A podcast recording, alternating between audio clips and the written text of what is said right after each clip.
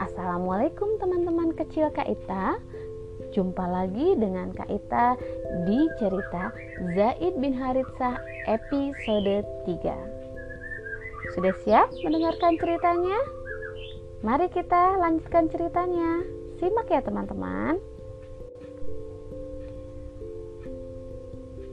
Di usia 8 tahun, Zaid harus memutuskan masa depannya Ya, itu adalah keputusan yang sangat sulit, di mana Zaid harus memilih tinggal dengan Rasulullah atau pulang kembali dengan ayahnya.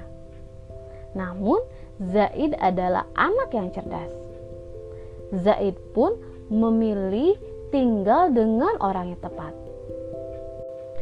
Ketika diberi pilihan, Zaid pun memutuskan dengan tepat dan berkata kepada Nabi Muhammad SAW, engkau adalah pilihan terbaikku.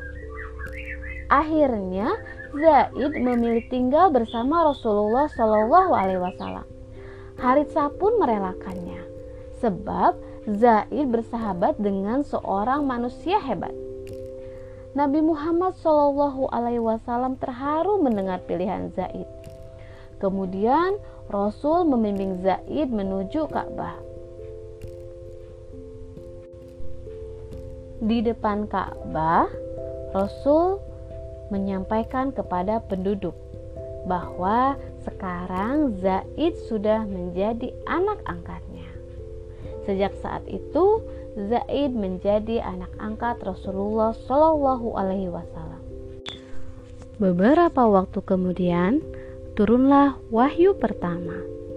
Zaid langsung memeluk Islam meski ketika itu dia masih kanak-kanak. Namun, pemikirannya sudah sangat cerdas. Zaid telah mengetahui agama yang benar, sehingga sangat wajar jika Rasul menyayanginya.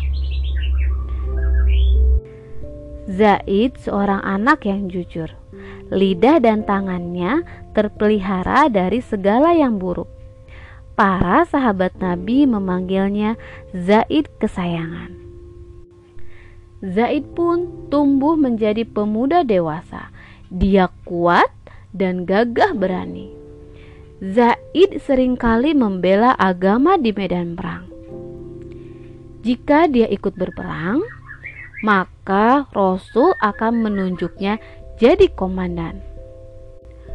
Demikian besarnya kepercayaan Rasulullah Shallallahu Alaihi Wasallam kepada Zaid. Suatu ketika, pasukan Romawi mengancam di perbatasan.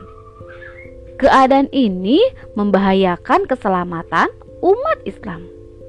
Maka Rasulullah Shallallahu Alaihi Wasallam menyiapkan pasukan Islam. Mereka diberangkatkan menuju Perang Mutah. Perang ini jelas sangat berat karena pasukan Romawi sangat banyak. Di samping itu, persenjataan mereka pun canggih. Namun kaum muslimin tidak gentar.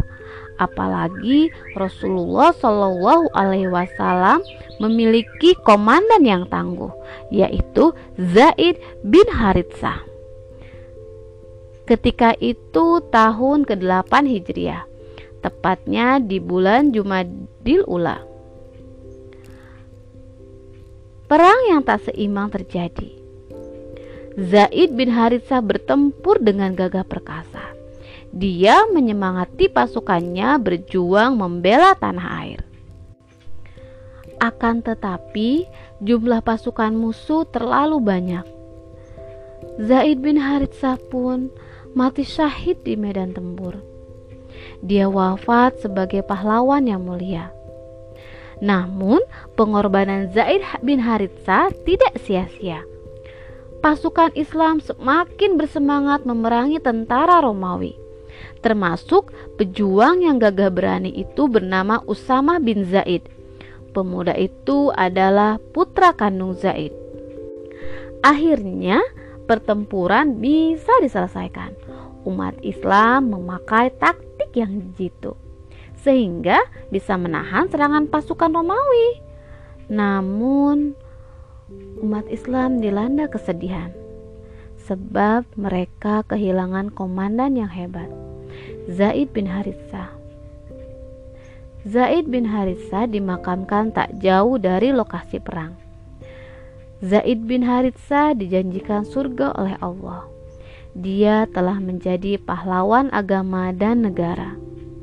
Nabi Muhammad Shallallahu Alaihi Wasallam sangat bangga punya sahabat seperti Zaid.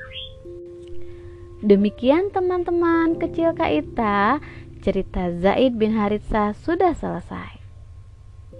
Banyak sekali pelajaran yang bisa kita ambil dari kisah Zaid bin Haritsah. Ya, Zaid bin Haritsah tetap tegar ketika mendapat cobaan yang sangat besar. Kemudian Zaid bin Haritsah pun pandai memilih sahabat terbaik. Zaid bin Haritsah memilih Rasulullah Shallallahu Alaihi Wasallam menjadi sahabat terbaiknya.